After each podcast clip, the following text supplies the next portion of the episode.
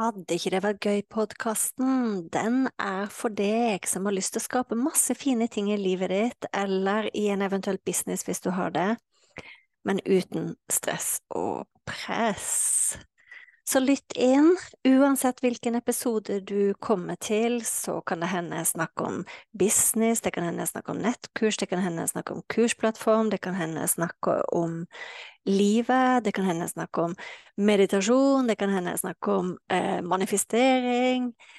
Alt som egentlig kan gjøre livet vårt og businessen vår bedre. Når jeg starta opp, så var det sånn at eh, den podkasten her heter Fantastiske nettkurs. Det heter den ikke lenger. Er ikke det gøy? Så tankegangen med Vil ikke det være gøy-podkasten, det er at eh, vi kan skape så mye fine, fantastiske, suksessrike ting både i livet og businessen vår, men uten press. Uhuhu. Vi ses! Hallo, hallo. Da var det på tide med en ny podkast her. Og i dag har jeg fått med meg Irina Li, og jeg har gleda meg sånn til å høre alt nytt fra deg, Irina. Så velkommen, velkommen. Tusen takk, og takk for at jeg får være med på den fine podkasten din. Å, så koselig.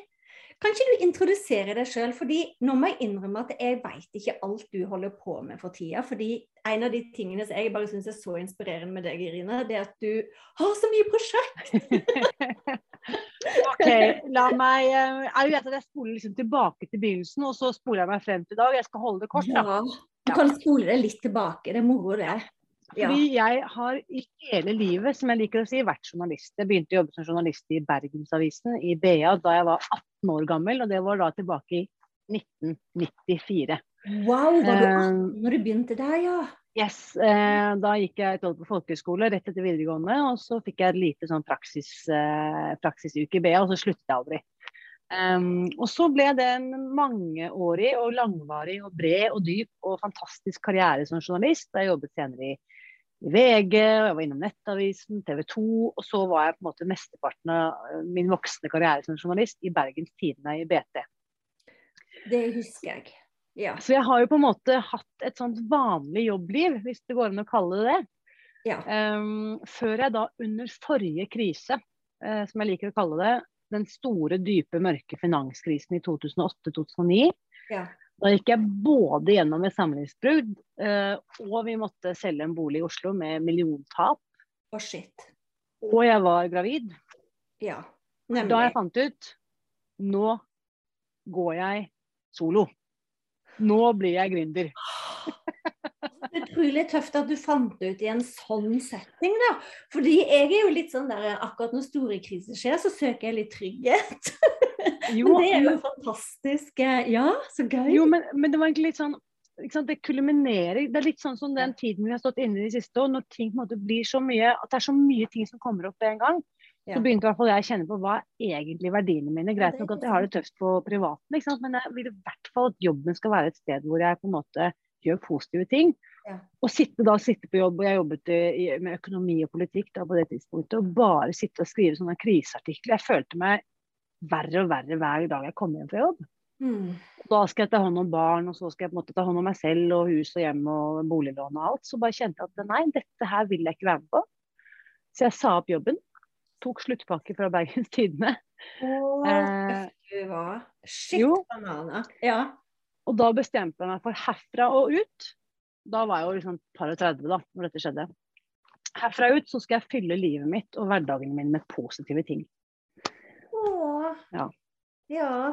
Og det var på en måte liksom den lange bakgrunnshistorien. Mm. Og så ble jeg frilanser. Øh, jobbet mange år som Jeg skrev artikler, portrettintervjuer, reisereportasjer. Hadde det helt fantastisk. Fortsatte som journalist og skrev også bøker på oppdrag.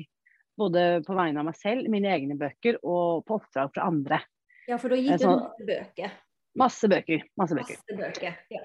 Uh, og skrev også en del sånne bedriftshistorier og sånne 100-årsjubileumshistorier og sånn. Så da fant jeg til 2012 at uh, hvorfor skal jeg ta imot bare litt honorar som forfatter, når jeg gjør egentlig hele jobben? Så da i 2012 startet jeg mitt eget forlag. Det er så gøy å høre tilbake på historien din. Det er fantastisk. Jo, men det er også noe jeg håper liksom, at uh, hvert fall andre som hører dette, at man trenger ikke å ha liksom, alt planlagt. Ting går til mens man er underveis. Liksom, at liksom, det, veien blir til mens vi går. Det er det, det er det, jeg pleier å si, jeg også. At ting mm. Man kan ikke, når man spoler tilbake, sånn, så kan man ikke forestille seg hvordan det er i dag. Altså, Man kunne aldri visst alt man Nei. har vært gjennom på veien. Så det blir stille underveis. Det er jeg helt enig med deg i. Ja. Ja. Så da hadde jeg dette forlaget fra 2012, så da er det faktisk tiårsjubileum i år. Det er jeg veldig veldig stolt av. Mm. Eh, jeg vet ikke om du Jorunn, har hørt den statistikken om at kun én av fem gründere overlever de første fem årene? Jo, jeg har hørt det. Og kun én av ti gründere overlever de ti første. Oh. Så eh, det, vi er på en måte Vi kan feire begge to. Vi kan feire begge to, og jeg tror også at den som hører dette og kjenner at nå må jeg bare gjøre dette, bare gå med den følelsen, ikke utsette. Det bare sette i gang. Og så lærer vi så vanvittig mye underveis. Det er akkurat um, det. Det gjelder bare ikke gi seg. vi må bare ikke gi oss. Ja, det er akkurat det. Og så da, i 2015, så skjer da det som skal endre livet mitt på nytt på, for alltid. Og det er da at jeg har jo da eh, no, Jeg har jo alltid vært overvektig. Eh, hatt eh, BMI i kategori overvekt eller fedme. Hatt BMI på over 30. Eh, og hatt, sant, hatt, vært fantastisk liksom, suksessfull både på sant, karrieremessig og fått møte alle verdens toppledere og hatt en fantastisk karriere, men på, på privaten så slet jeg med dette med kosthold og helse. Mm. Så i 2015 så kom jeg da over et nettkurs. Jeg har aldri deltatt på nettkurs før, aner ikke hva det går i. Når jeg har betalt, det kostet 1000 dollar å være med på nettkurs den gangen, og da var det dollaren rekordhøy, jeg tror den var nesten 89. Jeg hadde betalt så å si 10 000 kroner da, for å være med på et Ja, ikke sant? I 2015. Ja. Um, og så bryter serveren til hun damen som skal ha det nettkurset, sammen. Og da er jeg sikker på at nå er jeg blitt lurt. Altså, dette var scam. Nå er jeg akkurat liksom Ja, fordi det er på nettet og alt er nytt og Ja, sant? Um, så da satt jeg og var helt sånn svett og så håpet jeg sånn at shit, jeg håper ingen nå er, Det flagra de pengene ut av vinduet. Ikke sant. Eh, og det var jo masse penger. Og det var eh, ikke minst også det at jeg hadde jo på en måte ikke tro Jeg var fortsatt liksom i tvil da, på om dette kom til å fungere. Jeg måtte bare liksom oppe i det. Jeg hadde jo ikke noen garanti for at dette nettkurset ville Nei, ikke sant? Det er ikke, ja. Men det var ikke scam, for å si det sånn. Eh, det var et eh, kurs om og mat og helse og vekt og kropp som totalt endret livet mitt for alltid. Og etter å ha gått på det kurset i to dager, så går jeg tur med venninne, og vi har gått på 100 sånne slankekurs sammen. Og så sier jeg til henne nå har jeg skjønt det, nå har jeg klart det, nå har jeg liksom skjønt uh, tegninga. Wow. Livet mitt blir aldri det samme. Og så bare ser hun på meg, jeg er fortsatt like tjukk. Og så bare ja vel. uh, men det tok meg 200 dager, og så hadde jeg gått ned eh, over 20 kg. Og de kiloene har aldri kommet tilbake igjen. Det skjønner um, endrer livet fullstendig, og den boka di har jeg.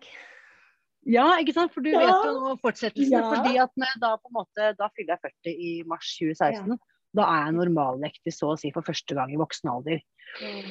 Eh, og da, med min bakgrunn som journalist og forfatter og forlegger, så tenker jeg at jeg kan ikke sitte på denne kunnskapen Nei. og ikke fortelle til andre. Så da, så da, kjøper jeg rettighetene, de norske rettighetene til den amerikanske boken som heter da 'Bright Line Eating', og gir den ut på norsk. Eh, oh, det er helt nydelig. Og nå får vi se bilde av boka også. Ja, veldig, så, veldig ja. Boken heter da 'Spis deg fri'. Med Brightline Eating, skrevet av en fantastisk psykolog, doktor i psykologi, som heter Susan Pierce Thompson. Og så har jeg da tilrettelagt den norsk, til norsk og skrevet forordet og deler også min historie i denne Spis deg fri-boken. Og det er jo sånn da ikke sant, at jeg helt eh, Jeg ante jo ikke, men det, at det skulle på en måte kuppe hele jobblivet mitt også. Fordi etter at denne boken da kommer ut i Norge i 2017, så tar det jo fullstendig av. Og den går rett inn på bestselgerlistene og har ligget der i, i, flere omganger i flere år. Og det er helt fantastisk gøy, Rina. ja det, det, er en utrolig historie. Altså, jeg syns det er sånn dobbeltgøy fordi eh, det er gøy å høre at du har sånn suksess. Altså det som er dobbeltgøy, er jo effekten dette har på andre mennesker. At du får dette ut til andre òg, når det har hjulpet deg så godt. Ja, så um, oktober 2017 så lanserer jeg da det første Spis deg fri-kurset på internett. Ja, uh, det gleder jeg meg til å snakke litt med deg om. Ja. ja 2017 og, var det det du sa? Det var høsten 2017. Og det er fordi at boken kommer ut. Og det som da skjer etter at boken kommer ut, så er det så mange som har spørsmål. Men hvordan gjør du det når du skal i familieselskap? Hvordan gjør du det på julaften? Hva, skjer, hva, gjør, hva sier du til ungene? Mm. Jeg hadde jo da fulgt metoden selv i to år og var på en måte helt sånn eh, Alt på en måte var under huden på meg. Jeg, jeg tenkte nærmest ikke over det lenger. Det er det, sant.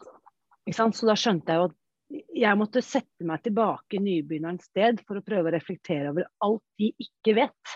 Ja, sant. Og så laget jeg da dette nettkurset. Mm. Å, det er helt fantastisk å høre. Å, det er så gøy. Altså virkelig, virkelig morsomt.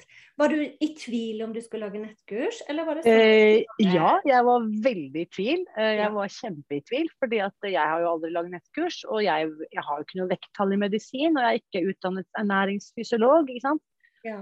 Ja. Så jeg hadde 200 000 grunner til hvorfor jeg ikke skulle gjøre det. Ja, sant. Um, men så var det rett og slett ikke noe alternativ å la være. Hadde jeg kunnet gjøre noe annet, så hadde jeg gjort det. Men uh, jeg visste bare at denne kunnskapen må ut. Ja. Og det var, ikke, det var ikke det tekniske som stoppa det, det var mer av liksom fag. Er det bra nok? Er det Eller var det begge deler, liksom? Nei, altså det er ganske interessant, da. fordi at, uh, dette vet jeg ikke om hva har sammenheng med hva, men som ja. Jeg hadde vært overvektig i 30 år. Og når du er jeg vet ikke, Jorunn, har du noensinne slitt med vekt? Eh, Bitte litt. Jeg har bare heldigvis ikke slitt masse, men jeg har slitt med vekt eh, typisk etter at jeg var gravid. Eh, ja, så det har jeg jo. Definitivt. Jo, ja, ok, Men ikke sånn år ut og år inn og følt deg håpløs og ikke Nei, ikke sant?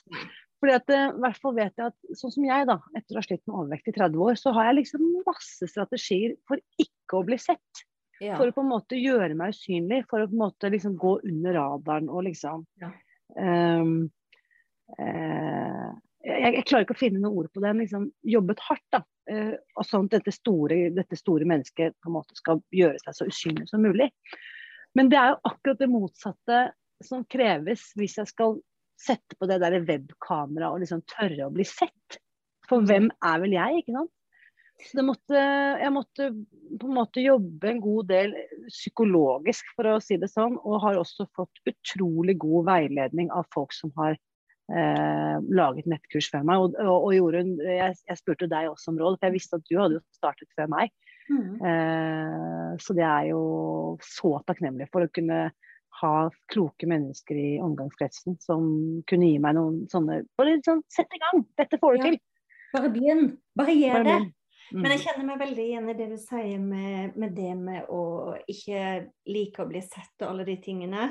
For jeg var ikke type overvektig eller noe sånt, men jeg hadde hauger av den der med hvem tror du at du er, hva vil mm. fagmiljøet ditt si? Mm. Det fins flinkere akupunktører enn deg, det fins folk som har doktorgrad i akupunktur. Altså jeg hadde haugevis med grunner på ikke liksom mm. stikke meg fram der og vise hvem jeg var som Det er derfor jeg sier at det å lage nettkurs er nesten det mest spirituelle man kan gjøre. Jeg er helt enig med deg og det, det, tror jeg egentlig alle endringsprosesser Jeg snakker jo masse om spiritualitet og åndelig utvikling i det noen tror det melder seg på et slankekurs. Ja, det de, Men det de faktisk melder seg på, er jo et selvutviklingskurs. Oh, og det, det, å tørre å ta plass, det å tørre å sette grenser, det å tørre å takke nei, det å tørre å takke ja, det å bli utfordret, det å gjøre ting som kanskje er litt utenfor komfortsonen. Uh, og veldig mye av de Altså, jeg kunne egentlig ha skiftet liksom tittel på det kurset. Uh, fordi at de grunnskillsene, da, de har så stor overføringsverdi til alle deler av livet. da. Mm. Og det er jeg helt sikker på. Det er 100% sikker på at det henger sammen. Og det, mm. Jeg kjenner det igjen med det med, med mitt kurs, i å lage nettkurs. Så kjenner jeg igjen akkurat det samme. At det, mm. det, er akkurat de samme tingene du må gjennom i forhold til å tørre, gjøre endringer. Ja. Mm. Så oh my god, så spennende. Og etterpå det så har du hatt det kurset ditt, Irina. Og, ja, og så har jeg jo ikke sant, Jeg kaller meg på en måte serieentreprenør, da, eller seriegründer, for jeg har jo så mange interesser. Jeg har så lyst til å holde på med så mye.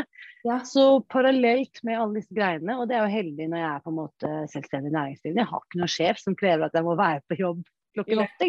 Lucky oss.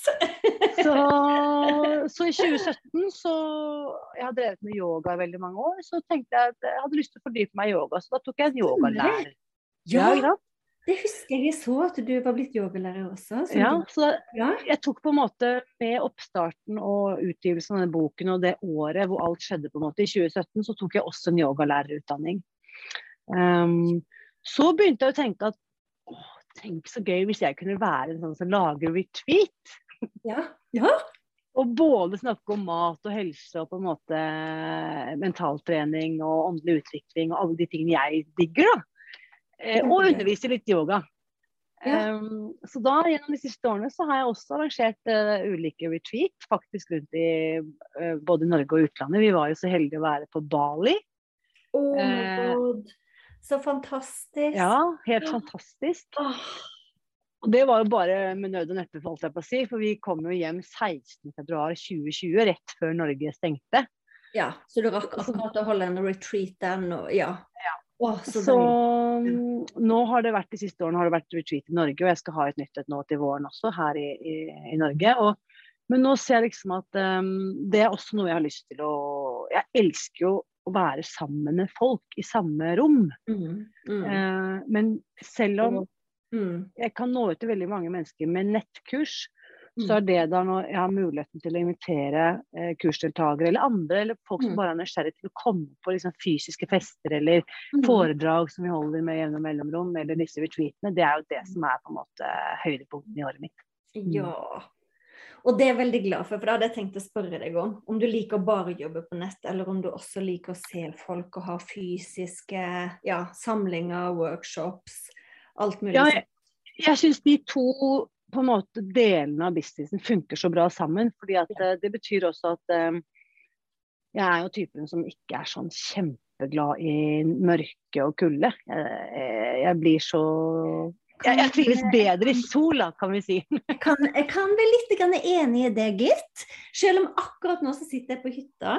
Vi kjøpte oss hytte i Telemark i fjor.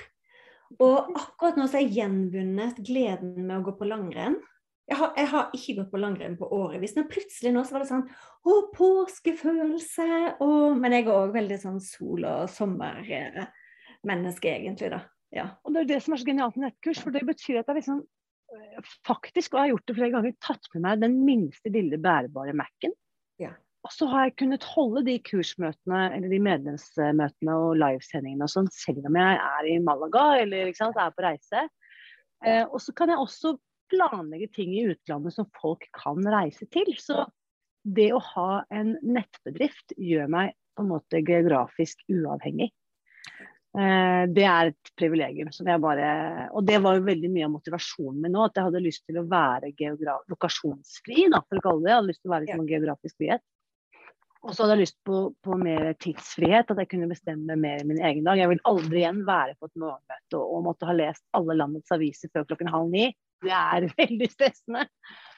Vet du det, eh. jeg, klar, jeg, hadde, hadde faktisk ikke greid det sjøl, jeg. Altså virkelig. Nei. Nei. Jeg gjorde det i veldig veldig mange år, og det var kjempegøy. Og så tror jeg også at noe av i det der, det er sikkert mange som kan kjenne seg inn i det, om de jobber på et sykehus, eller om de jobber i et firma eller på renholdsbyrå, eller hva, hva enn det måtte være. At når det er stort arbeidspress, så mm. får vi jo liksom en sånn adrenalinkick. Ja, man får det. Og det kan jo holde deg gående en stund, men det er ikke bærekraftig over tid. Nei, det er ikke det. Ikke i det hele tatt. så du... spesielt etter at jeg fikk barn, så kjente jeg at det, det, det livet er ikke for meg lenger. Uh, så det at jeg har mulighet til å styre min egen dag, er jo genialt i møte med barna også. Mm. Ja, det er, og det er veldig veldig fint, fordi det, det, er i hvert fall noe som jeg setter mest pris på. Det er akkurat det der å kunne bestemme sjøl. har jeg energi til å jobbe nå, eller har jeg mm. energi til å meditere nå, eller har jeg energi til sant? Man kan styre det sjøl. Det er virkelig et privilegium, altså. Mm. Jeg og mannen min satt på vei opp til hytta nå i forrige uke. Så tenkte vi hvorfor skal ikke vi snu på det? sånn at, For nå er han ansatt i min bedrift òg, så vi jobber helt 100% sammen. Og så satt vi og tenkte hvorfor snur vi ikke på det? At vi planlegger dagen først for hva skal vi gjøre når vi har fri? Og så mm. putter vi inn de tingene vi må gjøre på jobben. Og da plutselig kan ikke vi drive liksom Fiff, altså Vi kan ikke drive og dille med en oppgave for lenge. Du må faktisk bare få det gjort. Sant? For du vet at klokka mm. tolv skal du gå en eh, skogstur eller et eller annet. Fantastisk. Og bare ja. sånne ting, Det er et veldig bra eksempel, eh, Jorunn. fordi at det, nå, spesielt i vinterhalvåret, så er jeg så avhengig av å være utendørs når det er dagslys. Ja. Så hvis jeg hadde da jobbet liksom tradisjonelt fra åtte til fire, så hadde alle timene med lys vært borte for min del. Um, og da kan jeg liksom velge å si at da begynner jeg å jobbe klokken ett. da. Ja.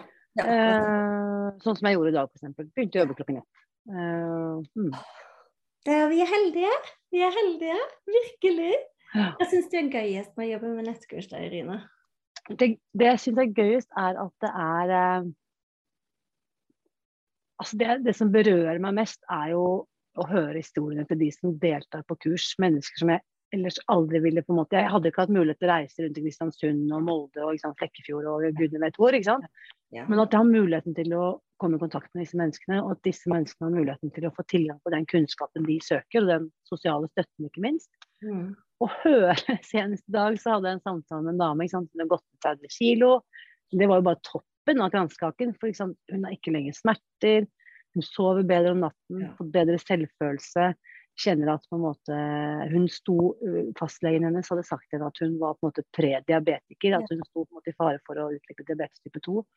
Og alle de bekymringene til fastlegen er gone. Alle, Alt dette her som Og dette er jo ikke noe jeg tar æren for, men jeg vet at liksom, kunnskapen jeg deler, og at det at jeg tør å formidle, da, du er jo, du, du, er jo med, du skaper jo det. Sant? Du lager jo en plattform for at folk kan kunne gjør disse tingene, sant? Ja.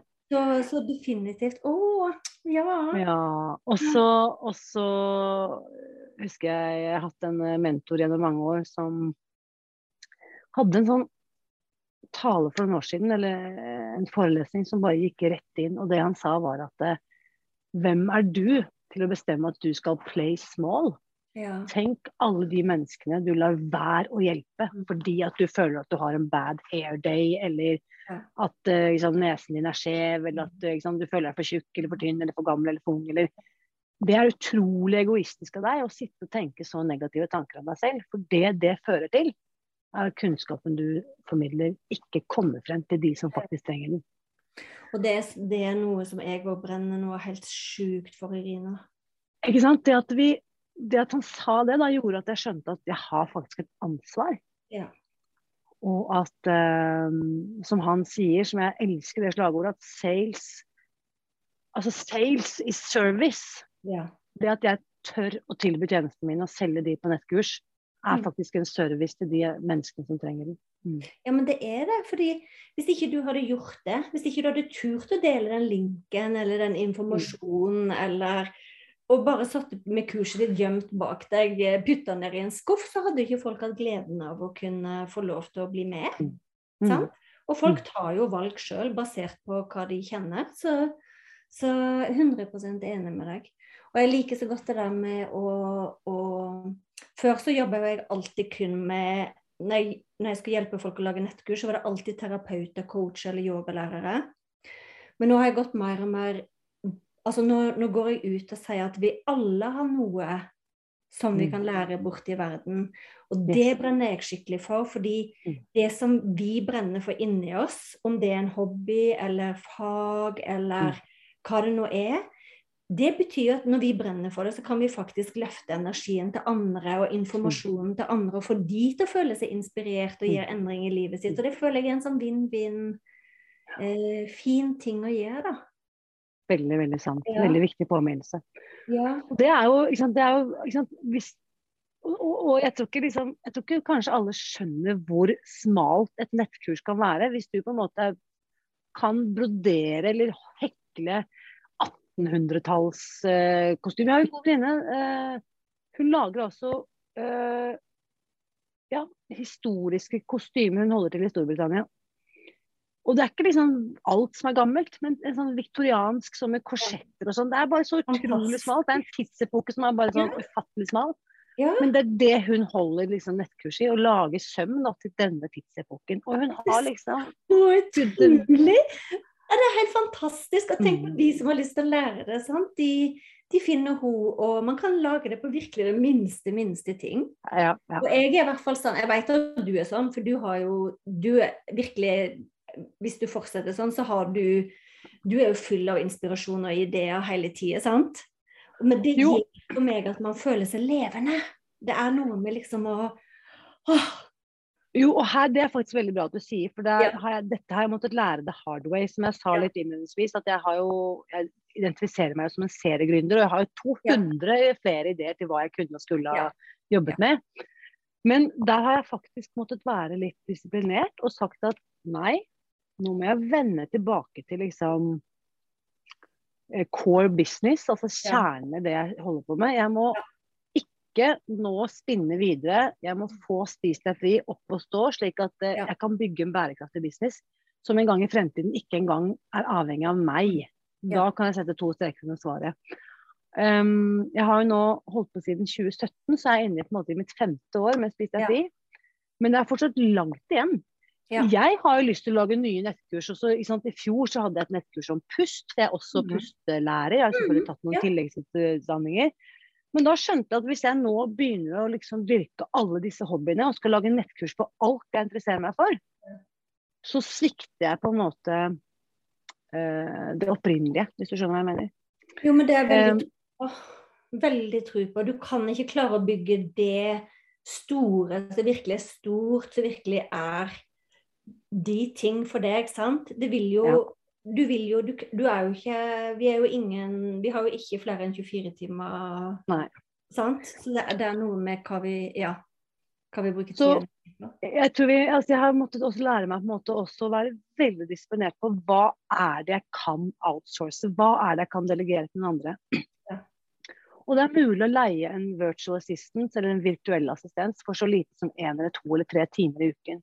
Ja. Så hvis det er en oppgave som på en måte du bare kjenner at liksom, du hater å gjøre, som er sånn eh, hvem som helst kunne ha klart det, så vil jeg virkelig oppmuntre folk til å leie hjelpen til å gjøre det. Definitivt. definitivt. Og det er jo mm. viktig når man er i den fasen og skal vokse. sant? Man kan ikke vokse ved å legge inn flere arbeidstimer. Man kan, jeg tror egentlig skal man vokse skikkelig, skikkelig vokse, så er det tvert imot at man kanskje må jobbe mindre. Man må ha tid til å gå de turene og tenke store tanker, og yes. ikke sitte der og sende en e-post, liksom. Ja. Uh, Nei, og det er så viktig. Og så ja. Eh, jeg har jo holdt sikkert 100 foredrag for frilansjournalister. Mm. Typ sånn eh, hvordan lykkes som frilanser, hvordan starte for seg selv og mm. den, den type ting. Og det som jeg ofte sier, er at du må ikke undervurdere det fysiske møtet. Jeg er veldig for visittkort, faktisk. Mm. Ja. Um, det er koselig. og sant, når du møter Ja, men det er kjempe altså, ja. kan, og, og, og, nå er vi så vant til at liksom, alt skal være på LinkedIn eller i sosiale medier eller mail eller sånn, men det når du på en måte møter et menneske og liksom kan gi dem et visittkort, og at de på en måte har det Putt gjerne bildet ditt på visittkortet. Kanskje jeg har det her i skuffen, så kan jeg vise Ja, her, Og da har du Her har jeg nå vist da visittkortet mitt. Dette er jo logoen da, for Spis deg fri. Og så har jeg puttet mitt eget bilde da, ikke sant, på, på Å, nå skal jeg lage meg visittkort. Jo, for disse kortene, det er, det er ikke altså, vi må tenke på oss selv når vi starter vår egen virksomhet, så er vi på en måte vår egen merkevare. Ja. Så den, det mennesket eh, de møter, eh, om vi er på et event sammen eller hvem som helst, det er det de kommer til å forbinde med Spis deg fri når de møter meg. Det er sant.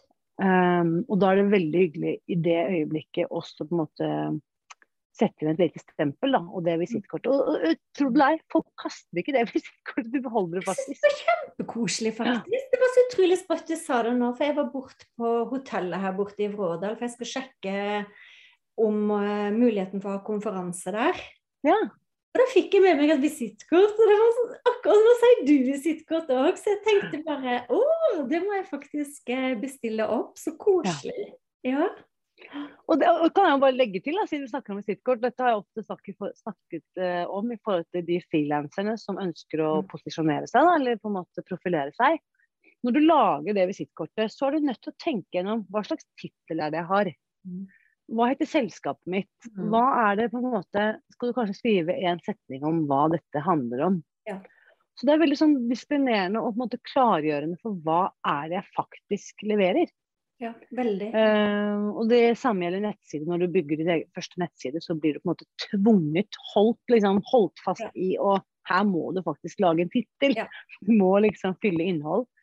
Og det å eh, sette seg i de som skal lese, sant? de som tar imot sitt ståsted med hva vil det bety for deg å se det, vil de forstå hva dette handler om, er det mm. noe de trenger, altså alle de tingene der.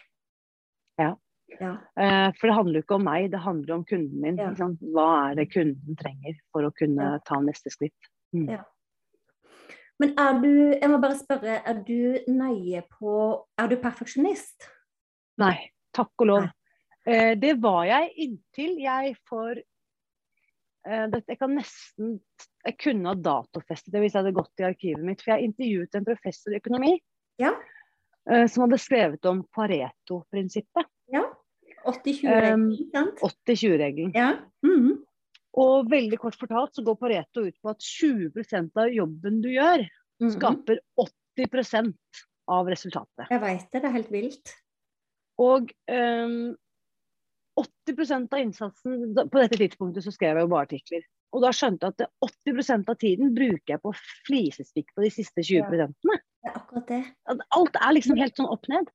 Ja, det han, eh, det han hadde skrevet en doktorgrad om, da, dette var altså en undersøkelse om NSB. Mm. Der de fant ut at uh, hvis toget kommer presist, da, uh, 87% av tiden, mm. så har NSB nådd liksom maks metning på antall kunder oh. som tar toget. Mm. Uh, jeg tror eksempelet var liksom lokaltoget fra Ski til Oslo eller noe sånt. Ja. Og så så de i de periodene hvor det var mye kok og mye krøll på linjen, og på en måte presisjonen falt ned til bare 72% punktlighet, så falt kundegrunnlaget. Da tok folk isteden bussen eller bilen eller satt på med naboen. Å, jeg har ikke hørt i en sånn setting. Så interessant! Ikke sant? Men saken var det at når du bikket 80 pluss, ja. så hjelper det ikke at NSB prøver å bli 100 punktlige, for de kommer ikke til å få flere kunder. Oh? Det er superinteressant. Ja, og så ja. tenkte Og så sa han, forklarte han dette, intervjuet han kanskje en time halvannen, ikke sant. Så da sa han sånn Og dette gjelder alt. Ja. Hvis du er perfeksjonist, så kaster du bort verdifulle ressurser på ting ja. som ikke gir noe resultat. Mm. Så den dagen eh, Det er jo nesten så jeg ikke har turt å si det høyt, for at oppdragsgiveren kjenner jeg jo fortsatt godt. Den dagen vet jeg eh, for, første gang, for første gang en artikkel som var 80% bra nok. Ja. ja. Og jeg tenkte sånn Nå kunne jeg brukt liksom fire timer til på å finpusse og sånn og sånn. og sånn. Ja. Men så bare sender jeg den fra meg, så ser jeg hva som skjer. Ja. Og de merket jo ikke forskjell engang. Så jeg hadde jo halvert produksjonstiden sant, på den artikkelen ved å bare si at 80% er godt nok. Og jeg elsker at du sa det der. Jeg hadde Jeg husker Jeg lurer på om det var rett før jul, eller om det var nå i januar. Det husker jeg ikke. Men da fikk jeg et tips om akkurat det der. Gå gjennom og kikk på alt du gjør i din business, og se på, se på det med 80-20-regel bloggpost, podkastepisoder, sosiale medier, innlegg, alt mulig. Og finn frem til de som virkelig folk vil ha, istedenfor å fokusere på alt det andre fluffet. Yes. Åh, nei, det Ja. Men dette har jo tatt meg tid å um, på en måte skjønne og lære hvordan jeg kan applisere i businessen. Men uh, så jeg vil med hånden på hjertet si at jeg er kjempehappy med å feile. Uh, fordi at hver gang jeg feiler, og spesielt når jeg tryner sånn ordentlig, så mm. lærer jeg noe altså, en lærdom jeg ikke ville vært foruten fordi at eh, jeg har gjort absolutt alle feil som finnes. Eh, Morsomt at du sier det. Det føler jeg at jeg har gjort òg. og, og, og, siden veldig mye av det jeg gjør er live, ikke sant. ja. um, så har jo veldig mange av feilene også skjedd liksom ja. live på video med, med, lyd og bilde, liksom. Og, og, det jeg hører veldig ofte, er at um, folk syns det er så deilig å se at det kommer en dame på skjermen som ikke er sånn stylet herfra til helvete og liksom er helt sånn picture perfect. Fordi at uh, det gjør oss mer relaterbare når vi også er mennesker, bare. Eh, med ja. hud og hår og feil. Mm. Akkurat det samme fra Høyre, jeg òg. Og det tror jeg er superviktig. At folk mm. sitter og klarer å relatere seg til oss som noen personer som er gjør feil. Og jeg, har, jeg vet ikke hva alle feilene du har gjort, men jeg har krabba under bordet etter strømledninger. Og jeg har hatt meditasjoner live der det kom en elektriker som bora i naborommet. alle mulige feil som tenkes kan. Mm. Men det jeg òg tenker, er jo egentlig at de, når de feilene skjer, så jeg vet ikke hva, hva, du Det er neste spørsmål jeg er nødt til å stille deg. da, Det er planer og ønsker for framtida. Men jeg tenker at når man, når man gjør feil og man håndterer det, så tenker jeg at, å, Jeg vet ikke hvordan jeg skal ordlegge det, men det er akkurat som eh, Verden raser ikke sammen hvis det skjer en eller annen krise. Mm. Det er ikke verdens undergang. Det løser seg alltid. Og mm. ja Det er en deilig måte å Ja. Nei, og det, og det, er også veldig overførbart til uh, kurset jeg holder. ikke sant? For jeg snakker om at det å endre kostholdet, det kommer du ikke til å klare feilfritt. Du kommer til å gå på en smell eller havne i grøfta, eller hva vi skal kalle det. Ja. Fordi at uh, u, u, altså life happens. Uforutsette ting skjer. Um, og jeg føler at jeg på en måte walk the talk også. da, At på en måte jeg lærer ut det jeg selv faktisk gjør i mitt eget liv. Som jo da selvfølgelig også skaper høy troverdighet. Så jeg kan ikke late som. Og jeg har faktisk, apropos liste med feil, og det var ikke noe feil, men jeg har også begynt å grine. Altså på direkten. Ja. Det var et tema som berørte meg så sterkt, så jeg begynte faktisk å gråte. Um, og da var det ikke mulig å liksom legge skjul på det, så jeg måtte bare liksom snufse og tørke tårene og si at beklager, dette kom litt uventet. Mm. Men uh, ja, dere skjønner. Jeg har opplevd lignende på et kurs med ei dame som skulle, jeg skulle lære meg noen nye videotips eller et eller annet. Og hun òg begynte å grine, for det var noe privat som hadde skjedd. Og ja. hun hadde 1000 på kurset sitt. Og jeg syns det bare var fint å mm. se at hun var menneske, og livet mm. skjer, og ja. ja. Mm. Ja, definitivt. Så jeg tror det er kjempefin påminnelse å vite at vi er faktisk altså Det kan liksom tenke sånn Jorunn, du har holdt på mye lenger enn meg, og du er mye flinkere, og du er mye proffere, og du har mye bedre utstyr. Men til syvende og sist så er det ikke det det handler om. Det handler om at vi er egentlig eh, like når vi på en måte skreller vekk det, akkurat den overflaten. Det tenker jeg òg. Eh, og så mm. tenker jeg sånn, Hvis vi skulle gått for det å være helt perfekte, altså perfekte i hermetegn, hva er mm. det da for noen forbilder vi er for våre døtre? Og altså, hva mm. livet vi skaper oss da? Det er jo ingen som vil ha mm. det presset på seg. Og... Nei takk. Nei. Ikke interessert. Ikke interessert. Samme her. Nei. Men før vi avslutter, Rina, så må jeg spørre deg hva det var bare sånn superdrømmen for framtida med nettkurs? Ah. Hvis alt var mulig i denne verden. Jo, vet du hva. Det er jo det å jeg drømmer jo om altså Nå er barna mine begge tenåringer, så det er ikke så mange år til ja. uh, at de ikke har lyst til å bo hjemme hos mamma lenger. Mm. Ja. Um, men jeg drømmer om å uh, bo i utlandet halve året. Ja. Og bare kunne ja, ta med meg den lille Mac-en min og så jobbe fra et varmt sted fra oktober til april. Det er drømmen. Og det jobber jeg målrettet mot. Og det, kommer, det er ikke bare en drøm, dette er en plan, og den har jeg planen for å følge. Ja. Jeg og mannen min vi jobber jo sammen nå, og vi bestemte oss for her at um, nå når det går an å begynne å reise igjen litt mer for alvor, så blir det ei uke i Oslo i måneden, to uker på hytta, ei uke på reise. Fantastisk. Det kan godt hende at en ei uke på reise blir slått sammen til en måned, eller et eller annet sånt, men vi tenkte istedenfor å tenke at en gang i framtida så skal vi reise litt mer med nettkurs. Nei, nå skal vi gjøre det nå. nå skal vi... Yes. Og mannen min har til og med planlagt at uh, noen ganger på hotell, noen ganger i telt, noen ganger på Airbnb, noen ganger i mm. utlandet, mm. noen ganger i innland. Så jeg ser for meg akkurat telt og nettkurs. det får vi se om går, men hvis det går, så skal jeg virkelig ta en. Den gleder jeg meg til å få en uh, oppdatering på. Fantastisk. Og det er faktisk ingen grenser vi kan gjøre. Hvis vi, hvis, vi, hvis vi, kan tenke det, så kan vi gjøre det. Det er faktisk, ja, det er, det er faktisk sant. Mm. Vi har fått til noe å jobbe. Nå jobber vi eh, Vi står opp tidlig om morgenen, så jobber vi fram til tolv. Og der har vi satt en sånn grense, da, at vi jobber til tolv, og så er det ut og gjør andre ting. Mm. Det hender det av og til at vi møter på kvelden og sånn, men det er helt fint. Fantastisk. Men det passer bra med den med å ikke være perfeksjonist. Sant? Man må bare få gjort det unna og mm. ut og leve livet. Og, ja. Mm. Å, Irine, jeg kunne skravla med deg i 100 år, og du, jeg, jeg, må invitere deg tilbake for å snakke om flere ting. Jeg kommer gjerne tilbake. Som du skjønner, dette her kan jeg snakke om i dagevis. Ja, ja, helt enig. Det kan, det kan jeg òg. Mm. Men under her så legger jeg en link til uh, Irina. Jeg tror du ville dele en liten fin quiz med oss, vil du ikke det? Ja, vi har akkurat laget en fantastisk quiz. for Spis deg fri handler jo om deg som på en måte strever med vekt og kosthold, og på en måte kanskje identifiserer deg som matavhengig, eller kjenner at det er noen ting du på en måte er hekta på. Så vi har laget en quiz eh, som heter da spisdegfri.no quiz. Der du kan teste deg selv i løpet av to minutter. Jeg, faktisk, jeg har jobbet med den så mye, og jeg er så fornøyd med den.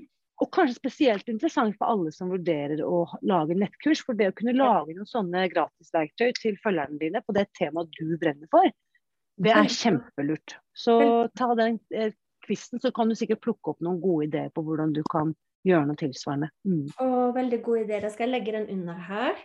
Og for dere som også har lyst til å lage nettkurs, noe jeg sterkt anbefaler dere å gjøre, så legger jeg litt mer ressurser rett under her som du kan sjekke ut. Ha det! Ha det bra.